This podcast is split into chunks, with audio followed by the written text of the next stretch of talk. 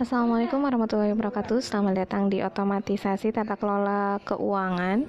Hari ini untuk kelas 12 OTKP Kita belajar mengenai dana kas kecil. Untuk pengertian dari kas kecil yaitu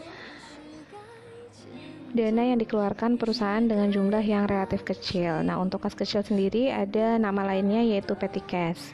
Nah, untuk tujuan dibuatnya kas kecil yaitu yang pertama menangani masalah perlengkapan di dalam perusahaan, mencegah terjadinya adanya alokasi pembayaran, meringankan pekerjaan karyawan dan mempercepat penentuan kebijakan insidental.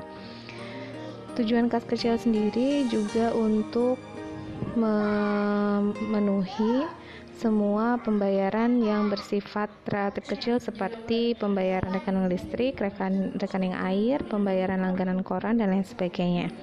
Dan untuk manfaat kas kecil sendiri itu mempermudah untuk mencatat keuangan karena setiap uh, pengeluaran dan pemasukan itu akan dimasukkan ke BKM, bukti kas masuk dan bukti kas keluar atau BKK. Untuk meningkat yang kedua untuk meningkatkan pelayanan pelanggan jadi kas kecil ini juga berpengaruh terhadap pelayanan pelanggan. Nah, untuk yang ketiga, untuk mengeluarkan dana darurat perusahaan sehingga ketika kita membutuhkan dana yang harus cepat cair otomatis itu menggunakan dana kas kecil asal dana tersebut relatif kecil tidak keluar yang terlalu besar.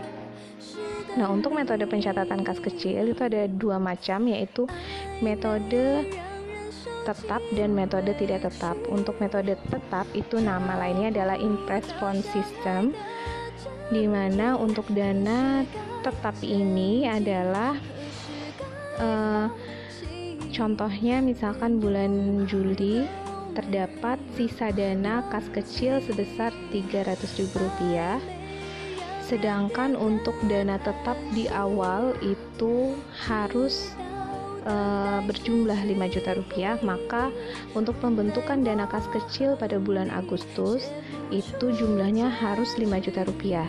Jika bulan Juli itu sisanya 300 ribu, maka pada bulan Agustus itu harus masuk dana kas kecil sebesar 4 juta 700 ribu agar dananya tetap menjadi 5 juta rupiah. Nah, untuk metode fluctuation fund system atau metode dana tidak tetap atau yang berubah uh, dana yang masuk itu tetap sama ketika dana pembentukan awal 5 juta maka pada bulan berikutnya tetap masuk 5 juta sehingga jumlahnya per bulan itu tidak tetap. Contoh misalkan bulan Juli dana sisanya 300.000, maka pada bulan Agustus tetap masuk uh, tetap masuk dana sebesar 5 juta sehingga pada bulan Agustus jumlah dana tidak tetapnya yaitu 5 juta 300 ribu itu perbedaan antara metode tetap dan metode tidak tetap metode tetap itu masuknya tidak sama tapi jumlahnya harus sama per bulannya. Kalau metode tidak tetap, masuknya itu sama tapi jumlah per bulannya tidak sama. Seperti itu.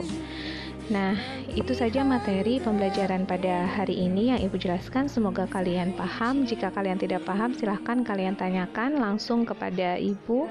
Dan jangan lupa untuk mengecek Instagram Ibu karena nanti soal latihan akan Ibu upload di Instagram dan kalian tinggal jawab di komentarnya saja. Dan salah satu dari kalian mungkin akan Ibu telepon secara tiba-tiba untuk menjawab satu pertanyaan dari Ibu. Jika tidak mengangkat, maka dapat nol nilainya. Baik, terima kasih kasih. Wassalamualaikum warahmatullahi wabarakatuh.